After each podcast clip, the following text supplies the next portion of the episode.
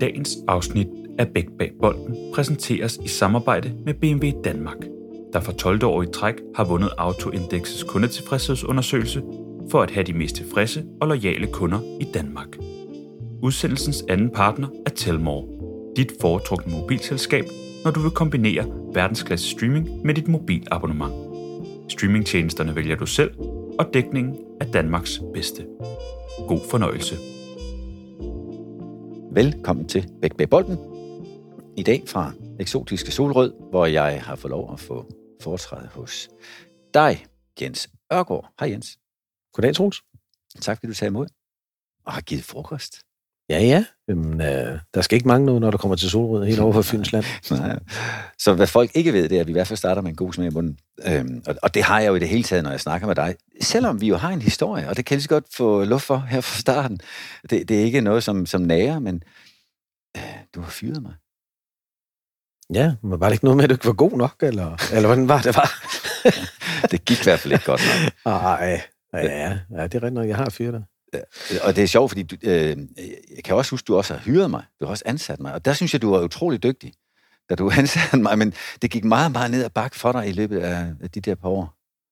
Det var i Midtjylland i hvert fald. Og, det, og, og jeg kan så sige, øh, desværre gør det der jo ikke til noget særligt, at du har fyret mig, for det er der relativt mange, der har prøvet sig på den, på den måde. Så, men, men det er dog alligevel øh, en historie, jeg i hvert fald blandt andet også er glad for, fordi øh, nu, nu riser jeg op, og så supplerer du gerne, og det der jo egentlig er håbet, det er, at vi to får en samtale. Øh, og jeg kan også godt sige til lytterne, hvad vi skal snakke om. Vi skal snakke primært om den verden, du har set fra to sider.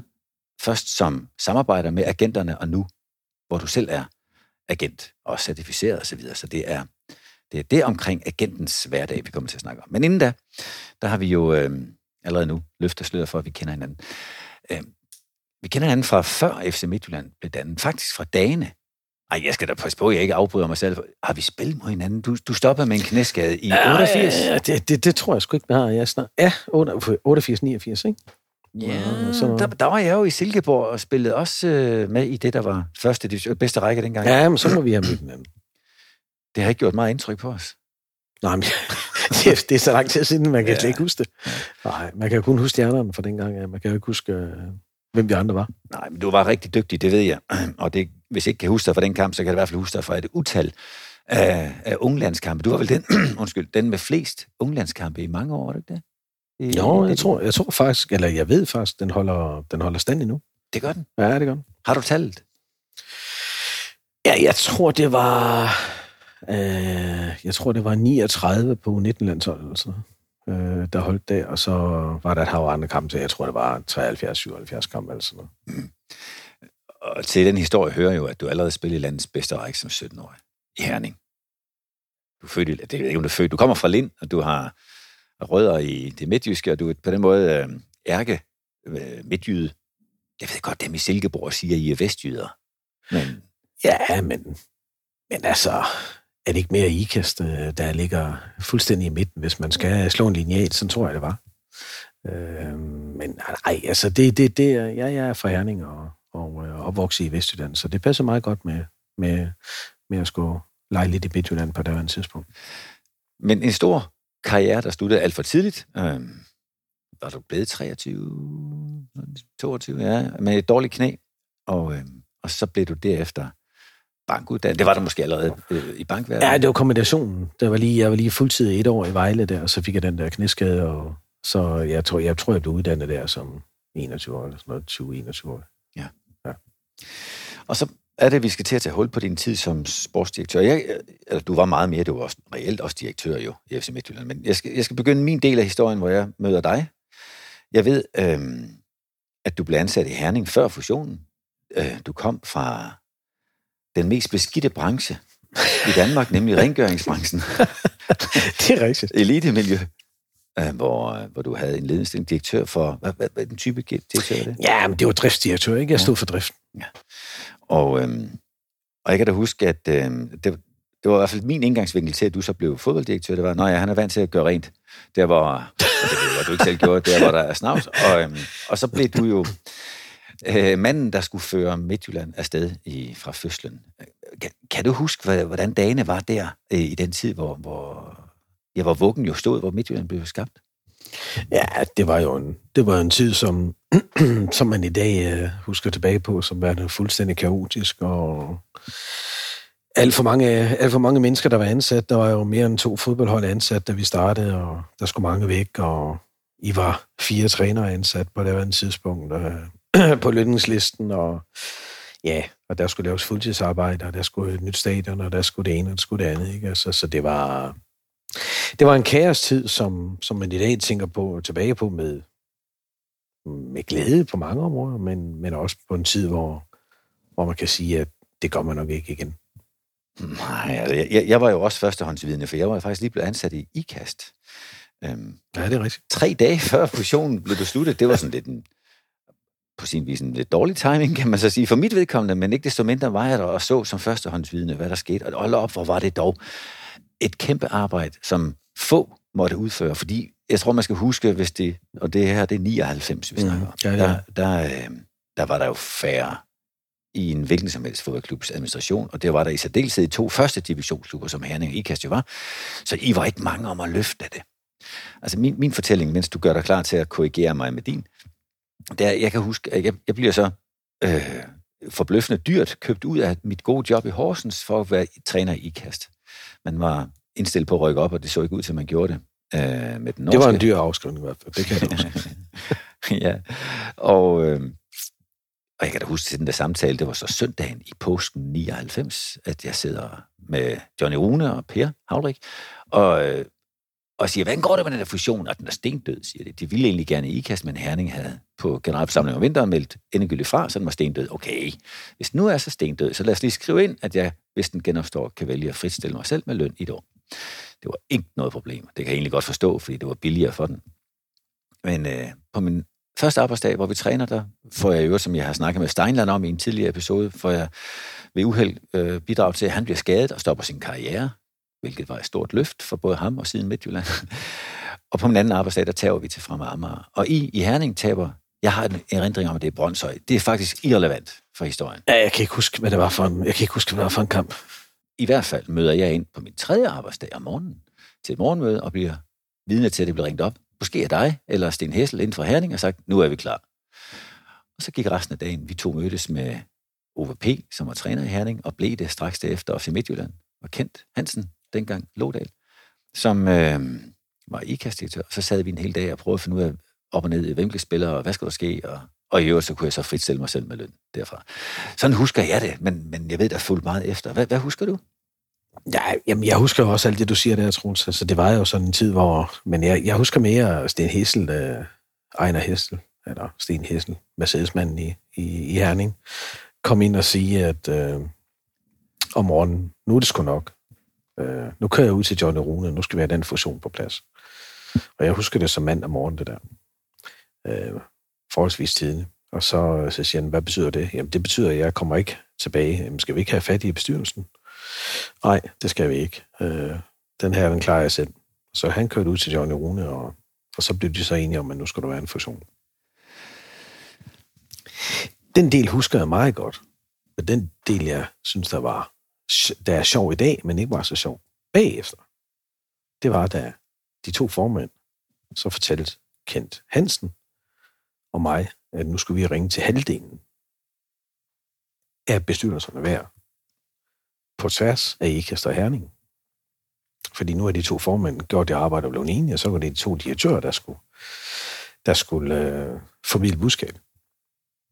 Og der glemmer jeg aldrig, at jeg ringede til, til Hust, Anders Hust. Som ikke var hjemme, han var ude at rejse. Han var i Hongkong. Og øh, jamen, øh, jeg har knap nok talt med ham, i hvert fald ikke i, øh, i mange, mange, mange, mange år. Øh, og så siger jeg til ham, jamen, jeg er blevet påduttet og ringt til dig, og og fortælle dig, at nu øh, gennemfører vi fusionen mellem herren og IKAST, og da du er bestyrelsesmedlem i IKAST, så, så skal du lige orientere sig om, at det er det, er det der er dagsordenen nu. Og så glemmer jeg sgu aldrig det raballer, der kom igennem. Og Der var langt til Hongkong, men jeg glemmer aldrig hans stemme. Altså, der var fuldstændig vanvittigt. Der var kraftet ikke nogen fusion, og der var ikke det ene, og der var ikke det andet. Og, og det skulle han nok sørge for, når han kom tilbage. Og jeg mener ikke, vi har ført en samtale siden. Altså, det vidner jo blandt andet også om, udover at det bevidner, øh, vidner om Anders' store engagement i IKAST, hvor han har været spiller, og har været træner, og har været bestyrelses, både formand, og i hvert fald medlem i mange år, og også en øh, sponsor. Og jeg har jo trænet hans søn Nikolaj i IKAST, også siden han i Midtjylland. Men han, han, øh, det bliver i hvert fald et billede på, at den store rivalisering, der jo var mellem IKAST og Herning, det var jo ikke sådan, at man faldt hinanden om halsen, når man... Øh, altså, de første par år var der jo også altså meget dem og os over Midtjylland. I hvert fald det første år.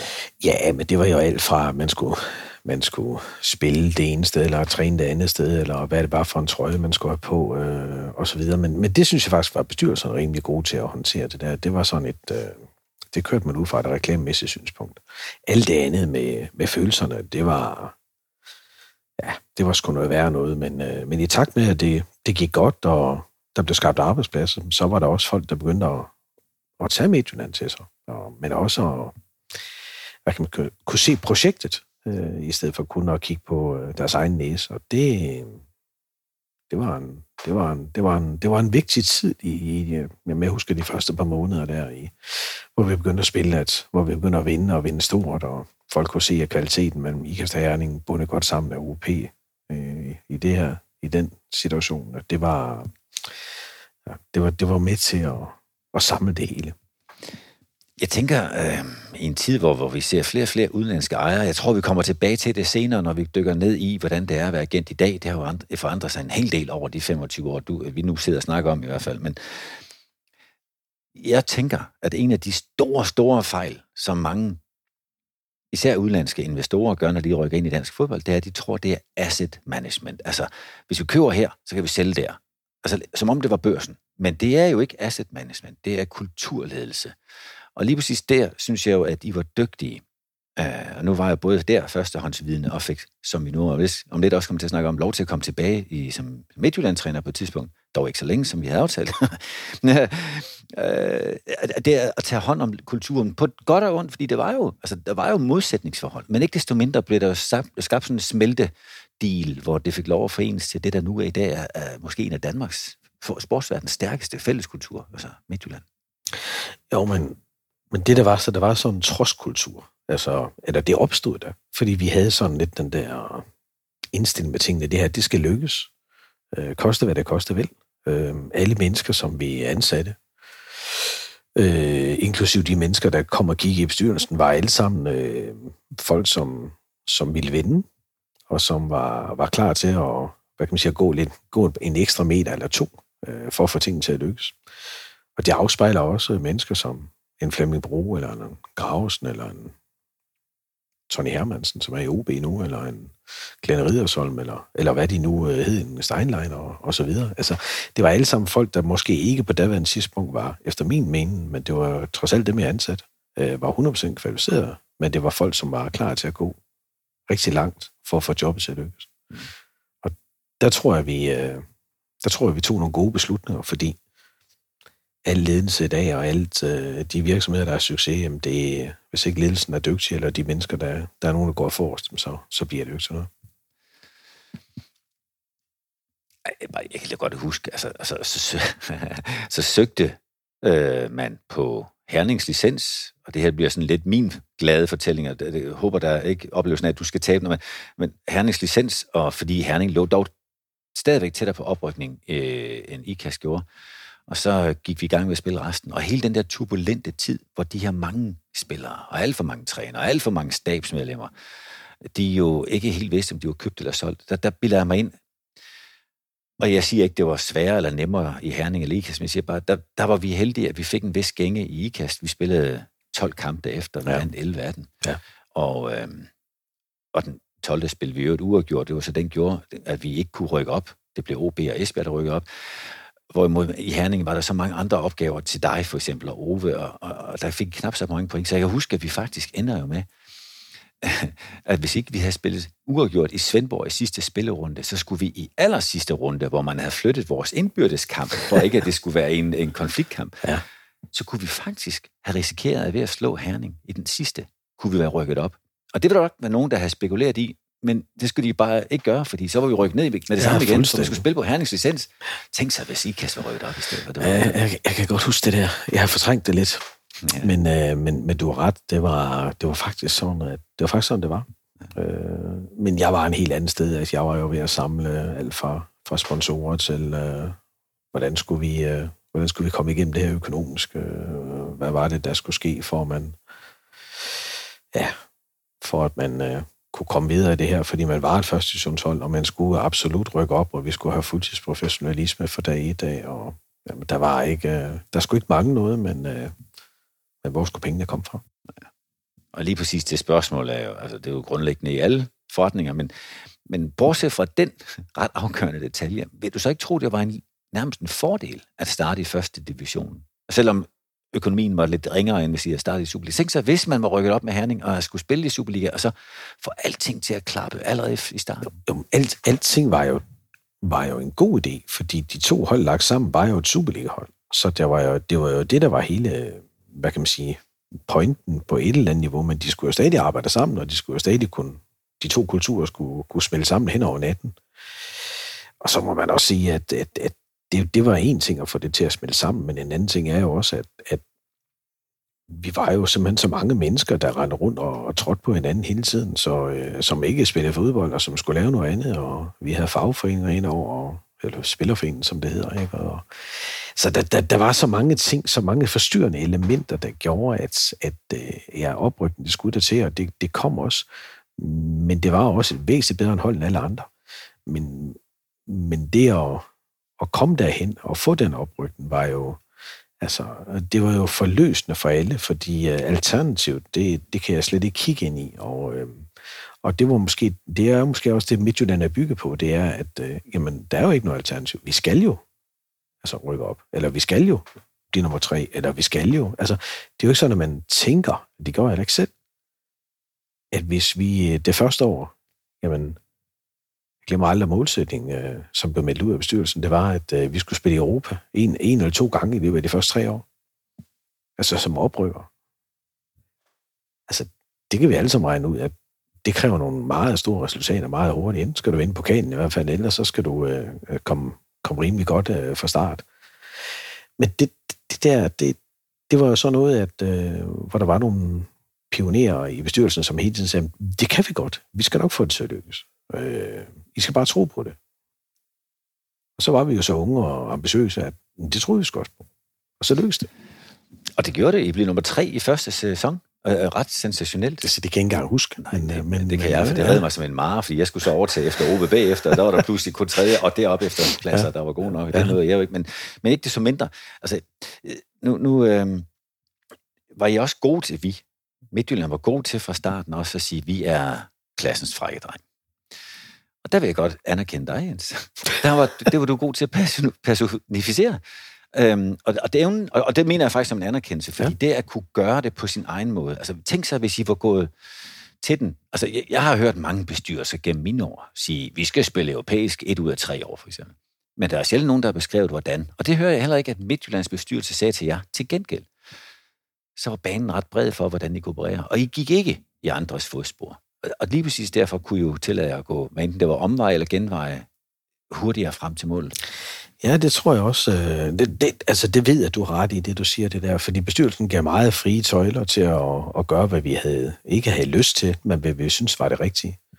Øhm, og det tror jeg, det tror jeg jo bare er vigtigt øh, i, i alle henseender, fordi hvis ikke man tror på de mennesker, der er ansat, så har man de, de forkerte mennesker ansat til at udføre arbejde. Og der tror jeg bare, at øh, vi, vi søgte meget af opbakningen fra bestyrelsen af, men, men bestyrelsen blandede sig sådan set ikke ret meget i, i dagligdagen. Det var sådan mere, hvis vi kom med en god idé og sagde, nu skal vi have Dennis Sørensen, eller Simon Poulsen, eller, eller hvem det nu var, øh, vi ville gå efter. Og så, så sagde man, det her, hvordan løser vi det? Jamen, så havde vi andre en, en, en god løsning på det, og, og det var der så en opbakning til, og til også at være first move på tingene, fordi hvis ikke vi var frække, og hvis ikke vi byggede øh, Midtjylland op på, hvad kan man sige, øh, en anden måde, end alle andre gjorde, jamen så var vi aldrig kommet derhen, hvor vi er i dag. Fordi vi, vi, vi kunne ikke tage hensyn til Silkeborg eller Viborg, eller, og Silkeborg og Viborg kunne have købt alle vores spillere øh, i starten, men de tror ikke, de tog os så seriøse. Og det gjorde så også, at øh, vi havde lidt frit spil på den måde til at, at, at hastige aktiver, vi havde, men vi skulle også sælge en eller en Bak, eller en Frank Christensen, eller hvem det nu måtte være, øh, som vi havde, der, der, der var dygtig, eller en Barslund, som desværre ikke øh, kom så langt. Men det gjorde så også, at nogle af de her ting, det, det var, at vi, at vi, vi, vi gik ud og, og lovede spillere øh, rimelig meget. Øhm, og som jeg husker det, så solgte vi faktisk fem spillere i snit i de første 12 eller 13 år. Ud af startopstillingen. Og det er desværre ikke fra den dårlige ende. Det er næsten altid fra den gode ende af. Og så der skulle vi også være klar i fødekæden på, hvad er det så, vi, hvad er det så, vi gør. Der var vi, da akademiet kom til, lidt senere, dygtige til det, synes jeg, øh, med nogle fantastiske mennesker der. Og samtidig med supplerede vi det ind med, en, med på gode handler, hist og pist. Ja, og, og, og det her det bliver lidt senere den bro, vi kan gå af for at beskrive øh, dit virke som agent. For jeg vil bare også anerkende dig lige her.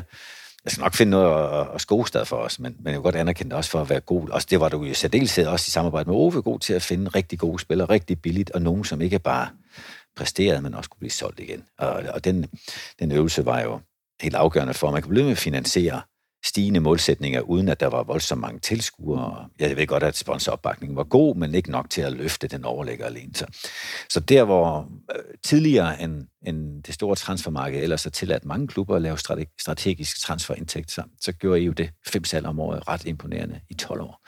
Øhm, jeg skal bare lige øh, have den sidste del af min egen lille grundfortælling med her. Jeg kan huske, øh, øh, da, da du øh, måske hårdt presset af andre, det ved jeg ikke, ringede til mig og sagde, du skal da være træner i Midtjylland. Der var jeg i OB, det gik ikke særlig godt. Jeg tror heller ikke, at OB synes, det var et stort tab, selvom det var den eneste gang, de ikke skulle fyre mig, fordi I faktisk endte med at købe mig. Jeg husker det så 25.000 kroner. Altså det billigste noget nogensinde har kostet i fodbold. Du har en god hukommelse. Ja, det er også på noget, men det der, det men, mener men, jeg, men, men det der, det er rigtigt. Det var, det var, det var småtingsafdelingen. Ja, og jeg tænker også, at OB tænkte, huh, det er billigere end at beholde ham. Men, Nej, det tror jeg ikke, de tænkte, men, men, men, men jeg kan godt huske selve forløbet der. Det var, det, var, det var noget på den måde der. Det var det. Og det, jeg så ville fortælle med den historie, det var, jeg huske, da, da vi så, du ringer til mig, og jeg siger til OB, jeg vil egentlig gerne blive OB, men da de siger, at ah, det er for tidligt for os, jamen, så vil jeg gerne til Midtjylland. Jeg havde en god tid i IKAST, jeg troede meget på projektet, det synes det var spændende. Så mødtes vi på Heise Kro. Heise Kro er jo for de få, og det er ikke mange, der ved, hvor det ligger, men lige lidt nord for Fredericia. Øhm, og der sad vi så og skulle finde ud af, om det kunne blive til noget, og det tror jeg, vi fandt ud af, men det tog nok noget tid. I hvert fald kan jeg da huske datoen for det, for det var den 11. 9. 2001, må det være. Fordi da vi kommer ud fra et i øvrigt udmærket møde, langt som det var, så er der, så er der røg overalt på tv-skærmene, for det, det er så 9-11.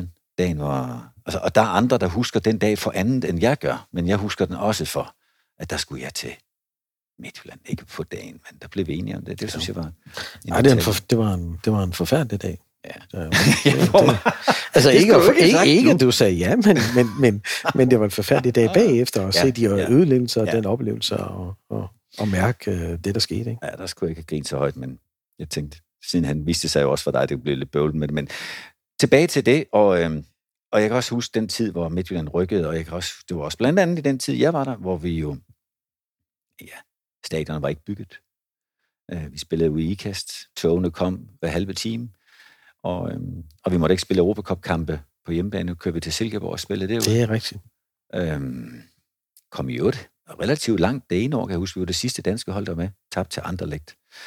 Ja. Og øhm, kom i pokalfinalen, så jeg tænkte, det går sgu da meget godt. Ja, jamen, det gør det også. Bare ikke godt nok. Nej, fordi, fordi det der også hører til, og det her det er jo både, det er ikke Troelses historie, det er lidt historien om, øh, når en klub ekspanderer, så skal man også blive bedre.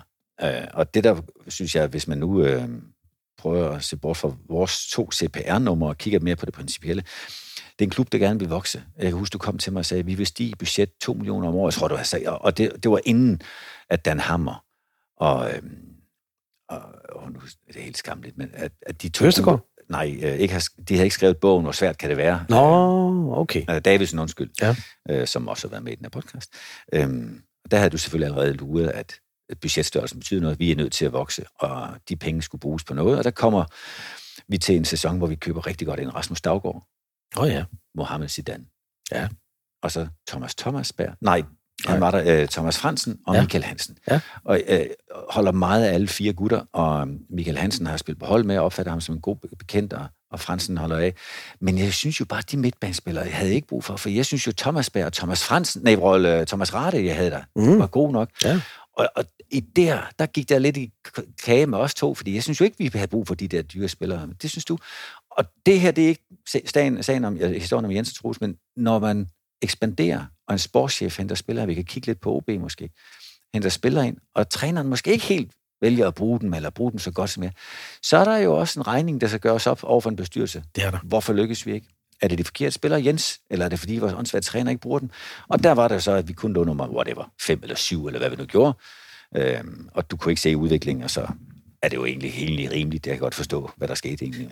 Jamen, jamen, jeg ved ikke, om det er helt rimeligt. Jeg har da også været på kant med, ikke, jeg vil ikke sige på kant med dig, men jeg har da, altså, forstået på den måde, at det, der er svært, når man sidder på den anden side af bordet, i forhold til det at være træner, for det har jeg aldrig prøvet, altså i hvert fald ikke på jeres niveau, men det er jo, at når timingen er til at gøre nogle ting, så er det bare vigtigt at gennemføre det. Fordi du kommer ikke igen seks måneder senere, hvor det måske passer træneren, fordi at han ikke lige fik det til at fungere.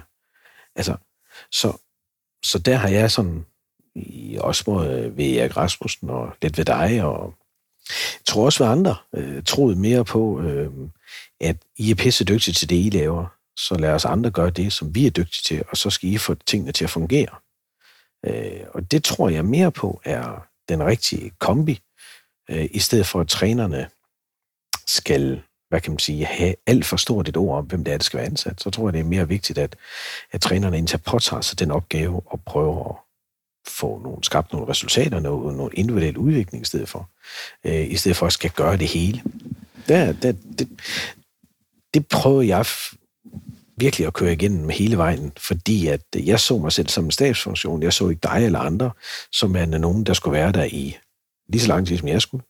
Øhm, og, øhm, og så var det altså vigtigt, at der var noget, altså der var noget timing i, hvordan man skulle gøre tingene, fordi jeg havde også inde i mit hoved hele tiden, at jamen hvis vi skal have den spiller ind, jamen så er det på kosten af, at vi skal have den spiller ud, og hvis vi skal have den spiller ind, jamen så skal vi have ham derud. Og det var jo ikke altid noget, som man kunne delagtigt gøre en træner i, fordi det havde noget at gøre med, hvordan hang økonomierne sammen i, i, i økonomien sammen i Midtjylland i det her tilfælde.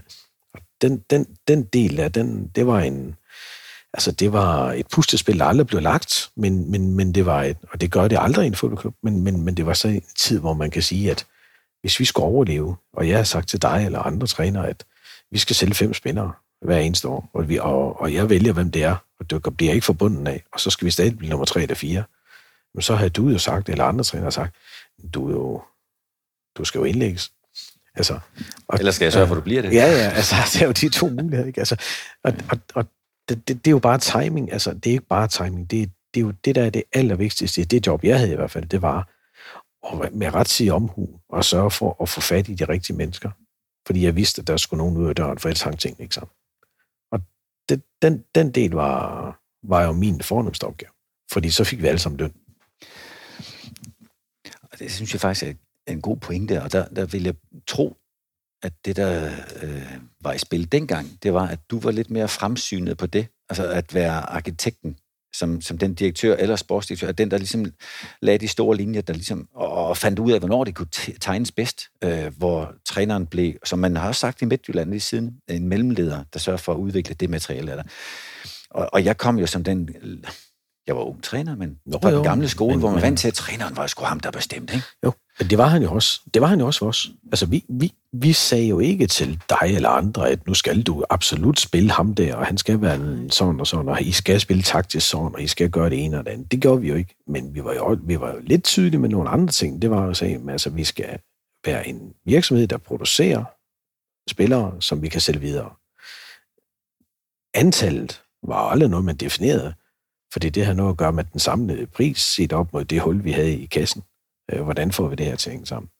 Så, så det kunne man jo ikke sige på samme måde, men, men, men der tror jeg bare, at eller, det var den måde, jeg valgte at, at, at være til stede på i Midtjylland. Det var hele tiden at, at have gode samarbejdspartnere omkring mig, og vide, at øh, jeg godt kunne lave aftaler med folk om, at det her det skulle ske om 12 måneder eller om 18 måneder, fordi så gjorde jeg sådan og sådan og sådan. Mm. Så jeg har også siddet mange gange til bestyrelsesmøder og, og, og have, have det skidt med at, at stå og sige til bestyrelsen, vi er ja, det, det, det, det, det, det værste tilfælde øh, var jo nok, at, at bestyrelsen ikke ville sælge Mohammed Zidane i den afstemning, vi havde. Jeg tror, der var syv bestyrelsen, og der var fire, der sagde nej, og der var tre, der, der sagde ja. Sådan husker jeg det. Øh, men alligevel øh, valgte jeg at putte min bil og, og, og, og køre ham til Werder Bremen, og, og sælge ham næsten uden, øh, ja, det var faktisk uden bestyrelsens øh, godkendelse. Øh, eller viden i det hele taget. Og, men jeg tror bare, at, at mange af de der ting, vi, vi gjorde, det gjorde vi jo ikke for at sanere nogen eller gøre noget øh, forkert. Vi gjorde det for, at det var det rigtige i den timing, der var. Han var for stor til, til Midtjylland, men vi kunne have blevet dansk mester der, og vi, vi lå nummer et, øh, husker jeg, 31. i 12. Men med de lige Zidane havde i lasten, så vidste jeg også, at det var nok en god idé, at han kom videre. Og, og sådan kunne man sådan hele tiden øh, øh, sidde og, og, og time, øh, prøve at time tingene, men det er jo det, som, som jeg synes, at der er mange klubber i Danmark, der er også dygtige til, men der er også en del klubber i Danmark, der er mindre dygtige til det. Øh, og det er jo det, som der er afhængig af, hvad det er for en økonomi, man har, men at man hele tiden skal være ops på, hvad, hvad er det, man kan, og hvad man ikke kan. Og der må jeg sige, der, øhm, der har jeg lært lidt fra min tid, øh, fra, fra, hvad kan man sige, klubsiden over i det, jeg laver i dag, at hvordan kan man samarbejde, og kan man, kan man altså noget, stole på hinanden, eller kan man give et hånd, håndkantslag, eller hvad man nu skal kalde det, øh, for at få tingene til at fungere. Og det tror jeg langt hen ad vejen godt, man kan, men øh, det vi ikke kan, er ingen af os, der kan, der kan spille for spillerne. Det skal de selv gøre.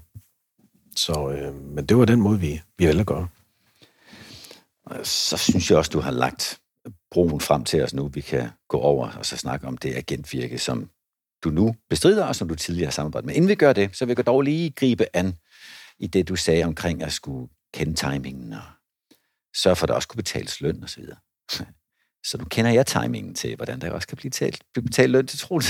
Fordi her er det, at vi så skal først takke og siden lytte til de to partnere, som der er på den her podcast. Og øh, den første kommer her. Det er BMW, som har været trofast støtte gennem mere end tre år. Og øh, der er et budskab for dem her.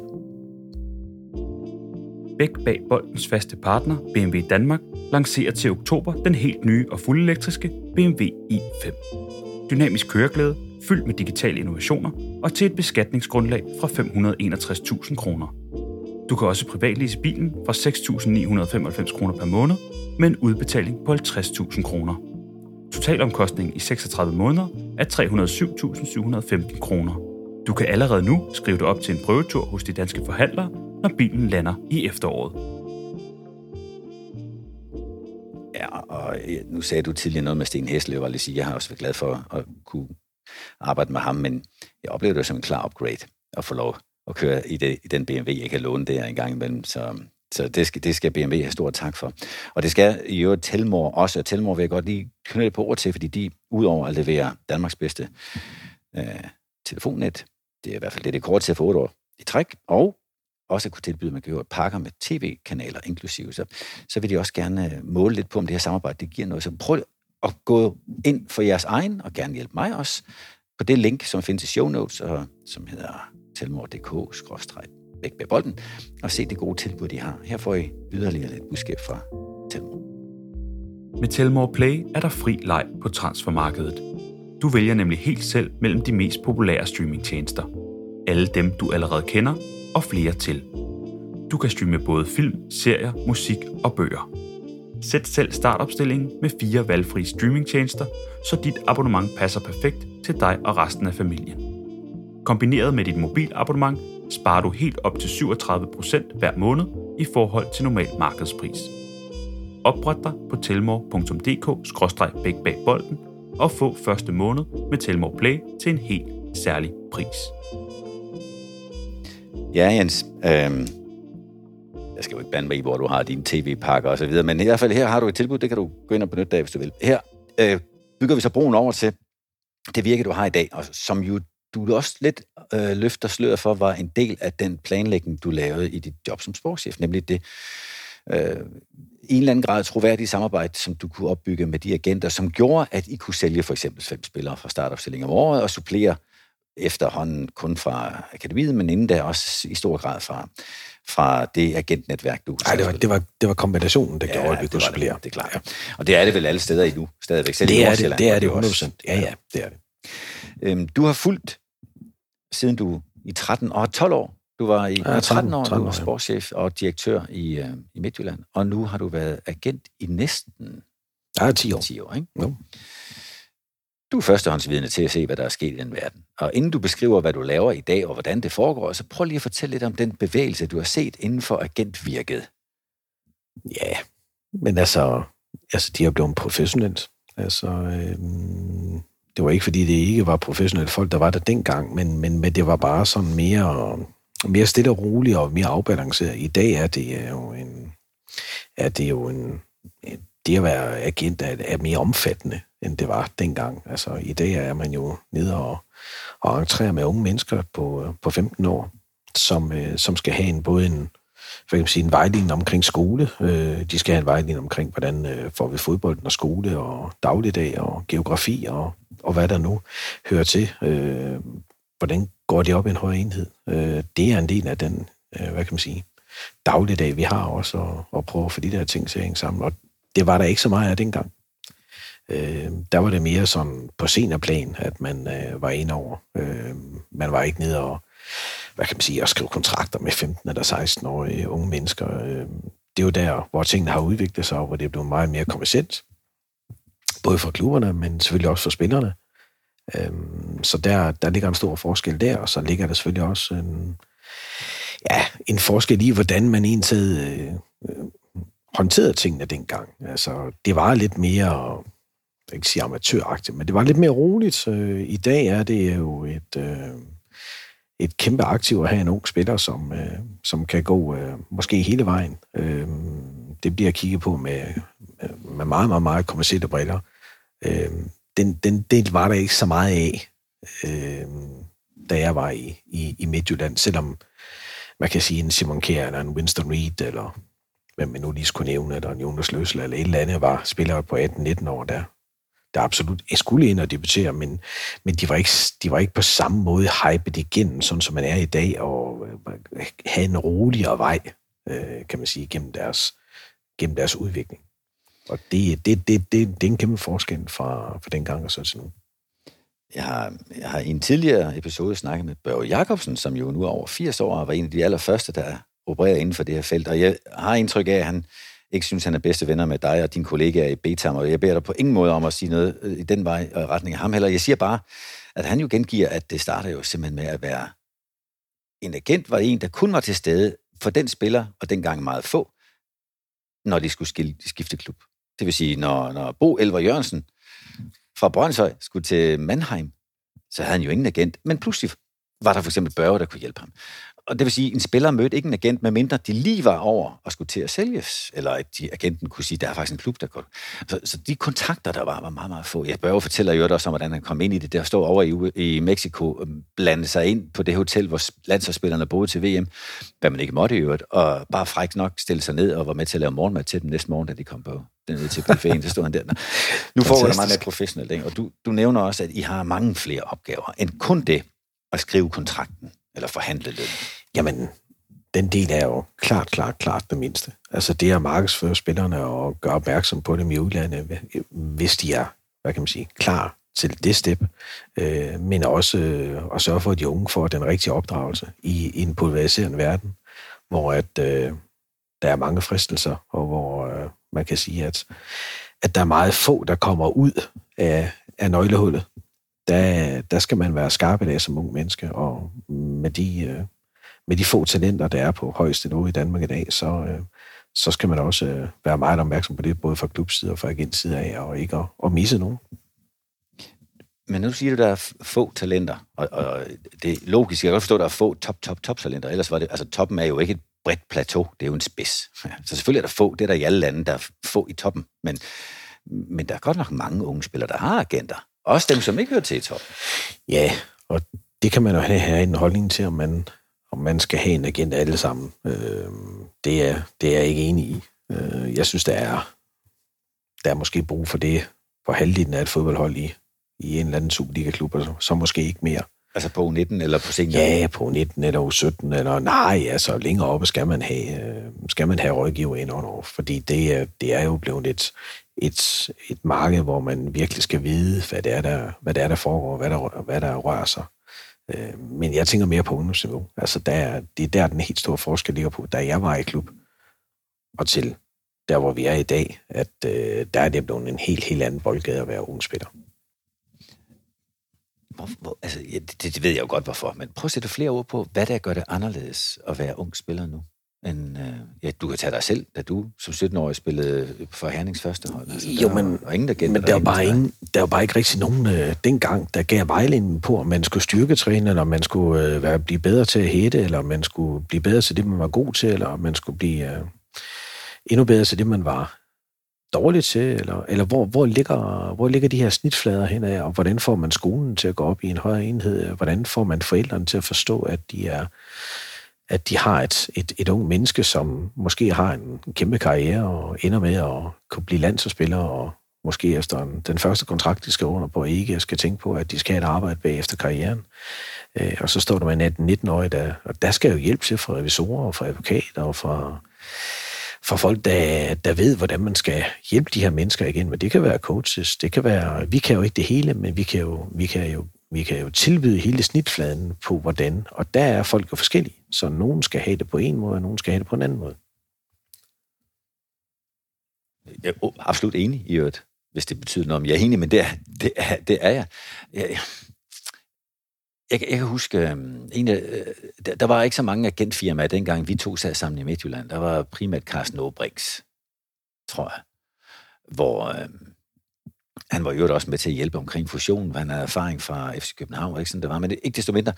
Jeg kan da huske, at han på et tidspunkt øh, rådgav den højre bak, jeg trænede første gang, jeg var træner i OB, Lars Jakobsen, om at han skulle, øh, ej, du skal få det her med ind i det spil, mere offensivt, du skal med mere frem, du skal det.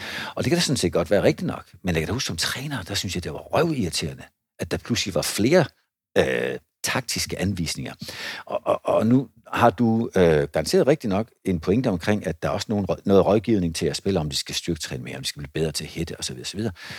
Hvordan koordinerer det, så det ikke kolliderer med klubberne? Ja, men det, det gør det jo ud fra den erfaring, fordi jeg siger ikke, at alle kan det, men, men det er så en af, hvis vi skal være lidt selvfede, det, vi er jo en, en, en gruppe af mennesker, som selv har spillet, og som har forstår, øh, hvad det er for nogle ting, man skal igennem, og hvad det er for nogle ting, de får ind i, ind i kroppen, Øh, og hvordan skal de udleve de her ting. Og, og der er jo bare et samarbejde mellem klubber, og mellem trænere, og, og mellem agenter og forældre, øh, der gør, øh, og så selvfølgelig hovedpersonen selv, spilleren, der gør, at man, at man skal dygtiggøre sig på alle de her parametre, og, og hvis man kan spille på samme banehalvdel der alle sammen, jamen så tror jeg på, at man får noget godt ud i, i, den, i den sidste ende, og det, der, der, der, der ligger det hele i dag, tror jeg, øh, fordi den verden, vi er inde i nu, øh, hvor at der er så mange fristelser for de her unge mennesker til, at, at de næsten kan gøre alt muligt andet, så, så skal de være lidt, øh, de skal være ekstra, ekstra, ekstra nær ordinært fokuseret på, at det er det her job, de vil have. Øh, fordi alle de andre ting, dem kan de meget hurtigt komme over i. Og, og derfor skal man virkelig være opmærksom på at, at, at fremælse de her ting og, og, og erkende, at jeg bliver nødt til at give slip fra nogle af de her ting, hvis jeg skal nå igen. For der er, det er en, som jeg sagde før, en, en meget snæver trakt, øh, hvor der kommer nogle få ud på allerhøjeste hylde. Og det, og det tænker jeg ikke, at en ung spiller kan høre for tit, fordi der er også rigtig mange, der hver dag står og råber om det, alt det andet, de også kunne gøre. Så jeg tænker, det giver god mening, at der er mange stemmer, der fortæller, at nu skal du også øh, sortere i, øh, i, hvad der ellers kunne være fristelser, som du nævner. Men, eller og, men er jo et forfærdeligt ord, Jens. Ja, ja. skal jeg skynde mig at sige. Øh, jeg tænker, det er det, klubberne også synes, de gør. Altså med de stadigvæk større stabe, de har. Altså der er jo øh, en eliteklub i dag, jeg tænker Midtjylland, formodentlig, har 25 eller mere i staben for A-hold, og, og måske en 8-10 med deres U19 og U17 osv. osv.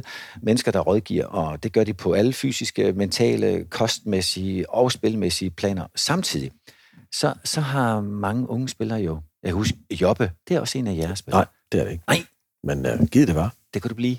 Nok om det. Men jeg kan huske, oppe i en samtale, jeg havde med til den her podcast, jeg også fortæller om, at han havde et årligt, eller har et årligt møde med sin stab eller sit entourage, som er en agent og en kostvejleder, en fysisk træner, egen fysisk træner, vel at mærke.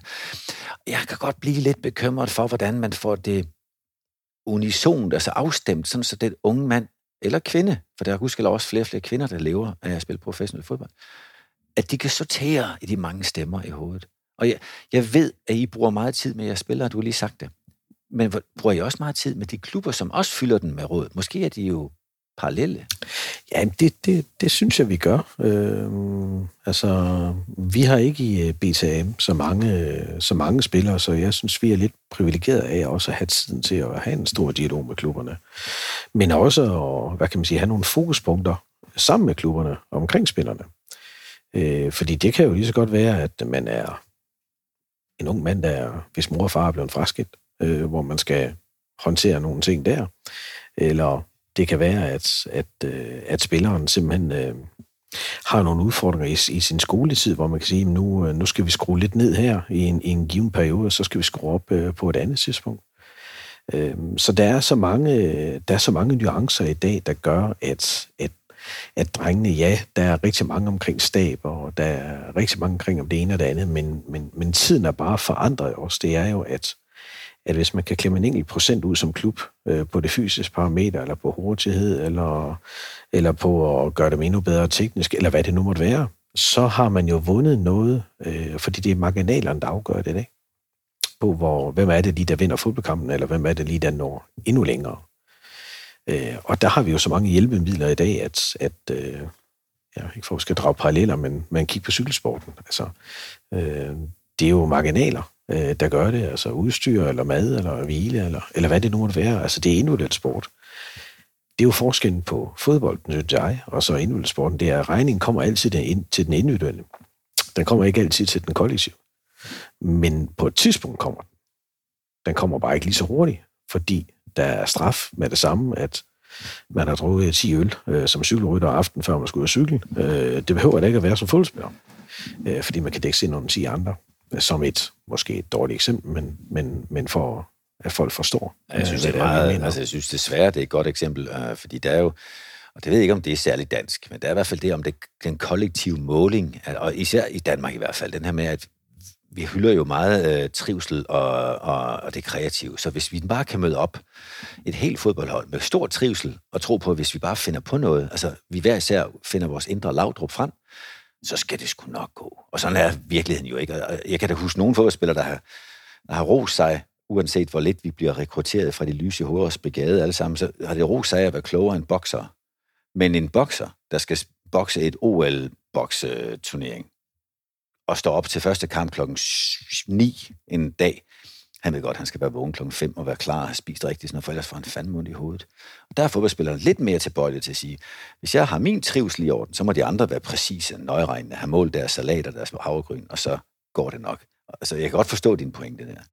Ja, den er, den, det, det er der, jeg synes, der er en kæmpe forskel på det, jeg mødte, da jeg sad på klubsiden, og til det, det virke, jeg selv har i dag, også over de her 10 år, som jeg nu har været igen, hvor jeg kan mærke, at det bliver mere og mere øh, specifikt, og det bliver mere og mere målbart, alt det, vi, vi render rundt og laver med de unge mennesker. Og det, og det er bare en, det er bare en, en, en anderledes vej, øh, end det var for mange år siden. Og den her, man skal være meget mere committed til tingene, end, end man var for 15-20 år siden, fordi øh, med den indstilling, jeg havde i hvert fald, så, så var man ikke kommet så langt i, øh, i dag.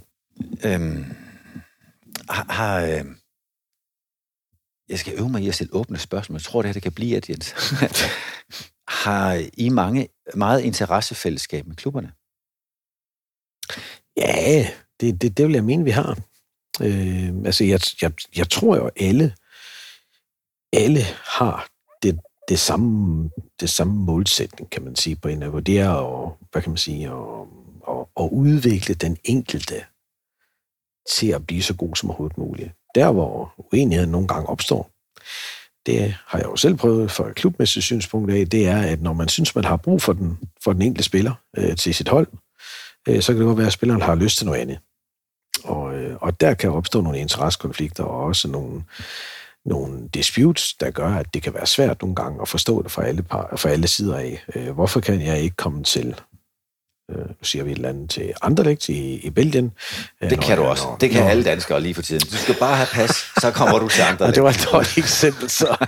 Men så, respekt til men så, et, ja, men så et, eller andet, et eller andet sted, hvor man kan sige, at, at, at her kommer jeg op på en højere hylde, for man må jo lige meget, hvordan vi vender og drejer det, så er jeg dansk klubfodbold med nummer 14 i øjeblikket i Europa.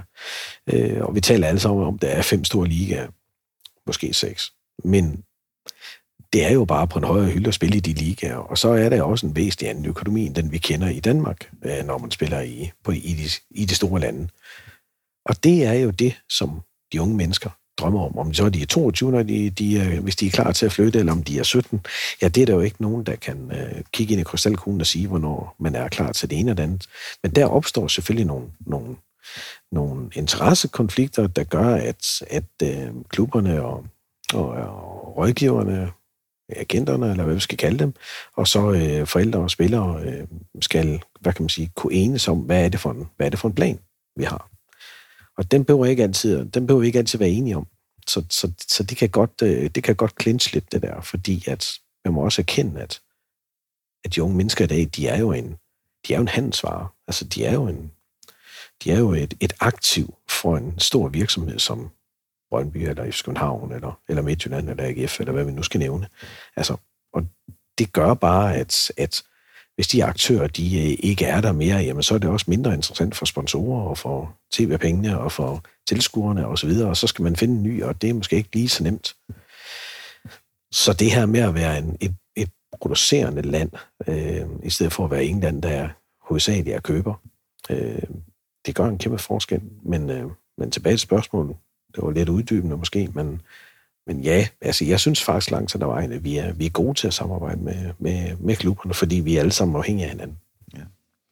Altså, nu prøver jeg bare for at være djævelens advokat at sætte mig i, øh, i den stol, jeg engang sad i, i Brøndby og siger, okay, øh, der er nogle interessefællesskaber i, at spilleren skal blive bedst mulig, men øh, bare for at gøre det personligt, det drejer sig egentlig ikke om Jens og Troels, men lad os bare sige, at du kommer og siger, ja, ja, men øh, Morten Frandrup, for eksempel. Godt, godt eksempel. Ja. Han har brug for det og det, for at kunne blive bedst muligt. Og så sidder jeg som klubmand og siger, det er enig med dig men jeg er også enig med dig i, at de andre, som ikke hedder Morten Frandrup, som også skal have. Og, og der, kan, der kan man måske godt blive lidt øh, smallere i sin vinkel som agent på den enkelte spiller, end man, som du selv oplevede, da du var klubleder, er nødt til at kigge på det et lidt bredere perspektiv. Og der, der kan man godt sige, at vi har interessefællesskab, men dog alligevel øh, altså med et større, med, med et forskel i vinkel. Den næste ting, jeg kunne se, kunne være en udfordring, det er, øh, nu kan vi godt sige, det, det skal være dig med det. Jeg har, mere, det har jeg ikke hørt dig sige, men jeg har hørt andre agenter sige, at en af grundene til, at man så gerne vil have den så tidligt som muligt, ikke kun fordi man kan forme og bidrage til deres udvikling, det er fandme også. Så kan du nå op på seks klubskifter på en karriere, og at der er altid et honorarspring for spilleren, og der er også en, en fee til agenten ved et klubskifte lad os bare lade som om, at det er en virkelighed for nogle agenter, for jeg kan også se, på, jeg sidder jo her, det kan man ikke på podcasten se i dit ansigt. Du virker umiddelbart ikke helt overbevist. Men hvis det nu var et argument for nogle agenter, så kan man jo sige, at det er et udtryk for, at de lever af ustabilitet. Hvorimod klubberne har et meget stort behov for, at der er en stabilitet omkring spillerens udvikling. Og lige der kan jeg godt se, at der kan være et mindre interessefællesskab. Ja, det, øh, det kan du have en point i, men jeg er ikke, jeg er ikke helt enig, fordi at spillerne til Morten Frindops øh, som, som udgangspunkt, altså der er vel to-tre spillere, som da du var i Brøndby i, i årgang, nu er han nu 17 spillere, da han kom op i, øh, i A-truppen, øh, men der er vel to-tre spillere max i hver årgang, som har havde din interesse. Øh, men du skal jo selvfølgelig bevare kollektivet, øh, 11-16 i, på 17-holdet. Så du har svært ved at, hvad kan man sige, at, at, at gå for langt med nogle af spillerne og give dem noget ekstra, ekstraordinær attention, fordi du skal hele tiden sørge for, at hold præsterer også for, at du kan få spillere til at udvikle, udvikle sig. Den del er svær, når man sidder på klubsiden. Men der mener jeg jo alligevel, at man skal være lidt mere kynisk som klub, og så være mere fokuseret på at udvikle den enkelte alligevel, fordi jeg mener godt, at begge ting kan gå hånd i hånd. Men er bare lidt bange for at nu siger jeg et eller andet, hive en Morten Frindrup ud til øh, hovedstødstrænen, og så er der står tre andre ved siden, og jeg siger, det vil jeg også. Øhm, der tror jeg bare, man bliver nødt til at være kynisk og så sige, det må I også godt, men så skal I lige opvende det på nogle andre områder, fordi så skal I også få den ekstraordinære attention. Altså, der, der ligger rigtig meget i, i den del af, at, at man som klub vil præge kollektivt og har svært ved at, at være alt for individuel på, på personerne, men jeg kan kun tage mit eget øh, forløb øh, i, i, Midtjylland, og det var, at, at når jeg så en Simon Kjær, der ikke kunne vende, øh, lave vendinger, eller en øh, Winston Reed, øh, to midtstopper på plus 91, øh, jamen så havde jeg også, synes jeg selv, en ret til at gå til U17 og U19-træner, det var så U19-træner hvor der var den tidspunkt, og sige til dem, at kan jeg glemme og, og så kan jeg ikke huske, om der var mere, der var, der var en over der, øh, og sige til dem, at hvis ikke de lærer at vinde, så bliver de ikke topspillere. Så øh, sæt dem til at træne med Barbara Collins og Akim og, og, og de andre der, fordi de løber stærkt, og de er stærke. Og hvis ikke de gør det, og så, så på et tidspunkt, så lærer de det. Øh, fordi når de har trænet det tilstrækkeligt mange gange kl. 8 om morgenen, øh, så bliver de pisse sure på de der øh, øh, dygtige nigerianere der, øh, som, som kunne lidt ekstraordinært, men og det viser sig også, og det er, det er lidt en solstråle historie, men, men, men, men en Winston Reed, som endte i West Ham, øh, takkede øh, to-tre år senere, efter han kom til West Ham, for den idiottræning, som han kaldte det i en to-tre måneder, øh, individuelt med de her mennesker. Men det er det, jeg tror, der skal til. Det er det, jeg tror, man som klub er nødt til at gå lidt længere og så sige, vi skal være lidt mere kyniske her, fordi gør vi det, så får vi også noget mere. Og det kunne jeg måske godt savne lidt. Og Hakim og Barbara Collins blev rigtig gode til hækkeløb med alle de glidende taklinger, de skulle undvise. Sådan var det en win-win. ja, men, men, men, men det er bare, altså det er den vej, men synes jeg, man er nødt til at tænke rigtig meget, fordi når vi sidder med noget her, og tror så og snakker om fodbolden generelt, og talentudvikling, og agenter, og klubber, så er det for mig ikke, altså sådan har jeg til anskuet det. Altså der er ingen forskel for mig på, om det her det er en individuel sport, eller om det er en holdsport det er den enkelte, vi skal udvikle. Det kan vi godt gøre i kollektiv, taktisk og, og alt det her, men, men hvis ikke vi tager fat om de ting, som de er rigtig dygtige til, eller mindre dygtige til, hvis de er dygtige i forvejen, og lære dem, hvad kan man sige, træne, eller være sammen med nogen, der ikke er, måske er lige på helt på samme hylde på nuværende tidspunkt som dem, jamen så tror jeg ikke, vi gør den en tjeneste, det kommer man heller ikke ind for alt muligt andet. Altså, i det normale erhvervsliv, så, så, øh, så er det også de, de dygtige, der, der når noget, men det gør de også, fordi de, de vil gøre noget ekstraordinært for at komme derhen. Og det mener jeg også, man kollektivt skal være. Når man ser på kollektivet i klubberne, så skal man være bedre til at tage den enkelte og så sige, du kan godt være en del af kollektivet, men vi er også nødt til at forbedre det her. Så kræver det måske noget mere træning, eller lidt mindre kollektiv træning, men mere individuel træning, for at komme med. Og hvis der er noget, vi er dygtige til i Danmark, synes jeg, set op mod det, vi bliver mødt med i udlandet, så er det jo at uddanne folk som mennesker. Være dygtig til at, at give dem en uddannelse, få dem til at forstå tingene, når de kommer et andet sted, et andet miljø end i Danmark. Jamen, så er danske spillere jo højt på strå. Det er derfor, vi har så mange uddannede, fordi de er de kan indordne sig, de, de forstår, hvad det er, der skal til. Øhm, og der tror jeg bare, at, at der ligger rigtig meget i, at man gør noget ved den enkelte hele tiden, og stiller krav, og fordi de unge mennesker kan godt lide, at blive stillet krav til. Men klubberne skal også sørge for, at, at de bliver individuelt træne lidt mere om, som man er tennisspiller eller fodboldspiller, så er der nok nogen, der er uenige i det, og så siger, at det er ikke det samme. Det er det heller ikke. Men, men for at blive dygtig, så bliver du nødt til at blive matchet meget hårdere. Det er et enormt spændende øh, snak og diskussion, også fordi det er jo selvfølgelig hjælpes godt, hjælpes godt på vej af, hvilket perspektiv man ser det. Jeg, jeg sad på et tidspunkt og snakkede med, med nogle af, af de ansvarlige for talentudviklingen i Brøndbys amatørafdeling, altså før de kommer op i akademi og så videre. En, også en episode, man kan gå ind og høre, hvor, hvor de jo har holdt op med at udtage A, B og C-hold. Øh, altså meget træner kollektivt så gør det det selvfølgelig i de grupper, hvor man nu har mest interesse og flere, men det er så hvad det er.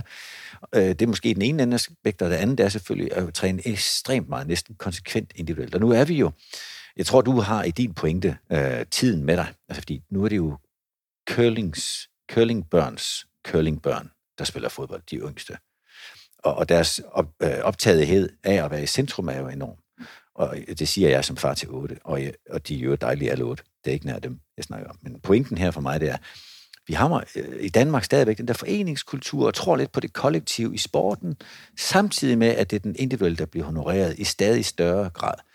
Det synes jeg er skismær. Jeg kan godt forstå, hvis du sidder som forvalter, formidler af den individuelle succes, at du kan se en pointe for, at de skal træne meget mere altså på den enkeltes præmisser.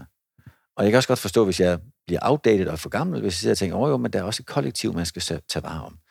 Øhm, der, der var faktisk ikke noget spørgsmål her, Jens. Jeg tror bare, det var øhm, den tanke, du satte i gang hos mig.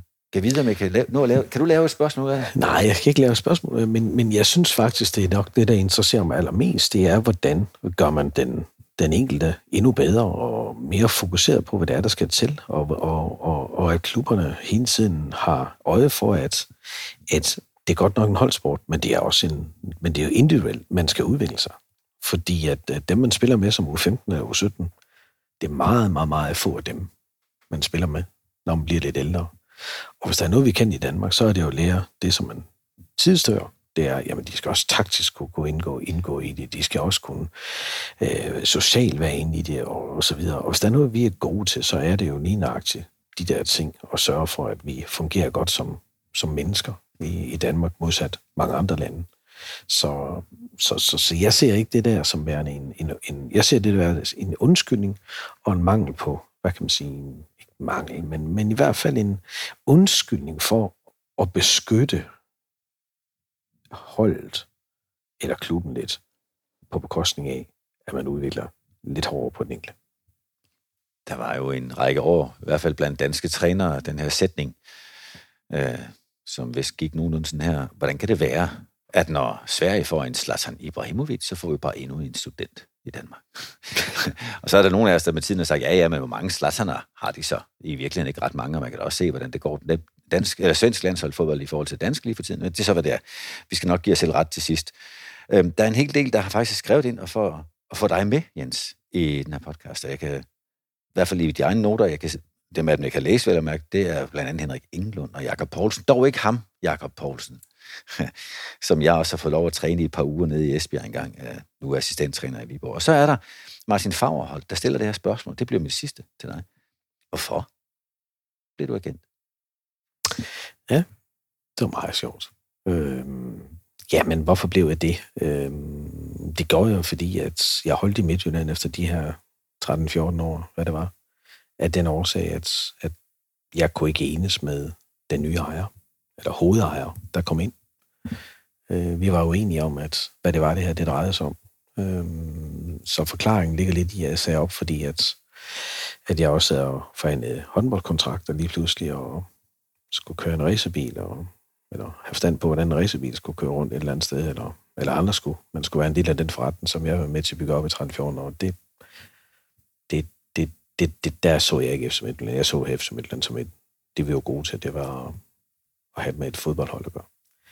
Øhm, og så må man jo sige op, og så når man har været med til at, var det ikke den første mursten, og har følt, at man havde en fantastisk tid med, en, med nogle ekstremt engagerede ansatte, og, og en, ja, en 15-20 bestyrelsesmedlemmer hen over tiden, som, som på hver deres måde bidragede med, med noget kampgejst og noget, noget gå på mod, så, så føler man det kollektivt, at det, det bliver rykket lidt væk fra en, og det gjorde så også, at, at jeg havde lidt svært ved at se mig selv øh, øh, et andet sted, i en anden klub.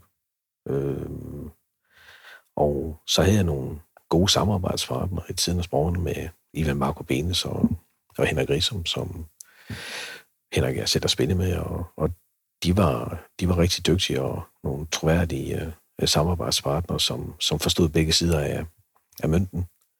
Øhm, så, så, jeg, så jeg lagde en billet ind den vej i stedet for, og så tænkte, det kan jeg godt bidrage med, øh, lidt på, med den erfaring, jeg har fra, fra klubsiden af, og så kombinere den med det at være agent, for den var jeg jo ikke helt stiv på, hvad det var, at det ens havde drejet sig om, og ja, til, til lytterens øh, orientering, så selvfølgelig heller ikke, at jeg var en dygtig agent, før der var gået en 4-5 år. jeg, jeg har jo siddet med dig øh, som kollega til dig som i Midtjylland, men jeg har også siddet på den anden side af bordet øh, i, den rolle, du har nu, hvor jeg sad i Brøndby. Jeg tør godt sige, at du er en dygtig agent. Øh, og, og hvad det så ellers består af, det, det kan jo være en hver frit for at fortolke, men, men det er god til at varetage spillerens interesse, og jeg kan, ikke helt, jeg kan ikke helt huske, at det gik ud over vores uh, mulighed for at samarbejde. Det synes jeg faktisk var okay stærkt. Så, så anerkendelsen, den går herfra også til dig, Jens. Tak. Er, er, er der et eller andet, altså fordi jeg, jeg har jo min bog fuld af spørgsmål, og jeg prøver at sortere i, hvilke af dem, der er relevant. Er der noget, du ser tilbage og tænker, hvorfor fik vi ikke snakket om den del af agentvirket? Nej, det, det, det, det tror jeg ikke, det er. Altså, det, er, det er jo noget, der skal afmystificeres lidt at være rådgiver, fordi altså, det med agenter og rådgiver, altså, vi er jo rigtig, rigtig mange ting. Øhm, så, så, så jeg, jeg prøver på i dag at give udtryk for, at vi, øh, vi skal kunne rigtig mange ting for at, at, at hjælpe, ikke bare de unge mennesker, men hjælpe generelt i, i den proces, det vil sige at gebærke sig i en, hvad kan man sige, er det en klog idé, eller en god idé at lave en, en forlængelse af en aftale her, øh, set op med de sportslige muligheder, eller er det bedre at søge andre græsgange, eller hvad er det for nogle ting, du skal igennem for at blive en dygtig spiller? Øh, hvad er det for en rådgivning, du skal have omkring økonomi, eller boligsituation, eller øh, hvordan får jeg min, øh, min kæreste til at fungere med mig her i, øh, i øh, Palermo, eller Paris, eller, eller hvor man nu måtte bo henne. Øh, hvad er det for nogle ting, der jeg skal være opmærksom på? Altså, der er jo sådan en palette af mange ting, hvor som man virkelig skal være ind over, og det, der, der synes jeg, der er, der er rigtig, rigtig mange ting, som, som interesserer mig der. Øh, både fra den menneskelige side, men også fra den pragmatiske side af at få tingene til at lykkes for, for, for de unge mennesker, fordi det er en primært, fordi vi også har 31 spillere i udlandet i dag, en, en, en, en, en kæmpe forandring at være i Danmark og, og være i udlandet. Og som mange siger, man bliver mere dansk at være i udlandet, men, øh, end man er, når man er i Danmark. Men, men, men det er også en helt, helt anden, hård, brutal øh, tilgang til tingene, som man også skal have en opdragelse af hjemme, i hvert fald hvis man har de evner, der gør, at man kan bidrage på ø, allerhøjeste øje i, i Europa, jamen så skal man også klædes på selv. Og så vil jeg lige sige, hvis man er arbejdssky, så skal man ikke blive erkendt. Jeg har lige snakket med din samleverske, øh, som bekræfter, at du jo er væk, altså nogle gange med timers varsel, og, og også uden nødvendigvis at vide, når du kommer hjem. Og jeg kan også sige, at den tid, vi har tilbragt sammen her, der har din telefon også været i gang, og jeg tænker også, at det betyder, at du er, du er med i noget, selvom vi er uden for transfervinduer. Jens, jeg vil øh, takke dig for, for det øh, synes jeg, rigtig, rigtig stærke lys, du har kastet over. Ikke bare vores fælles fortid men også på det virke, du har i dag. Det har været virkelig interessant for, ja, for selv en, der kender faget som mig. Tak skal du have. Det har været en fornøjelse. Tusind tak.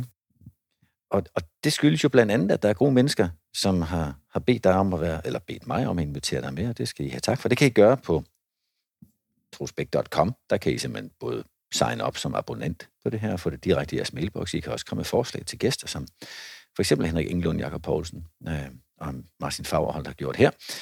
Så mens jeg takker jer for det, og lytterne for at lytte med, siger jeg også lige tak til både Telmor og BME for at støtte op om projektet. Vi høres ved. Dagens afsnit af Bæk bag bolden var præsenteret i samarbejde med BMW Danmark, der for 12 år i træk har vundet Autoindexes kundetilfredshedsundersøgelse for at have de mest tilfredse og lojale kunder i Danmark. Udsendelsens anden partner var Telmore, hvor du kan kombinere verdensklasse streaming med dit mobilabonnement. Lige nu får du første måned til 99 kroner, når du opretter dig på telmore.dk-bæk bag bolden. Tak fordi du lyttede med.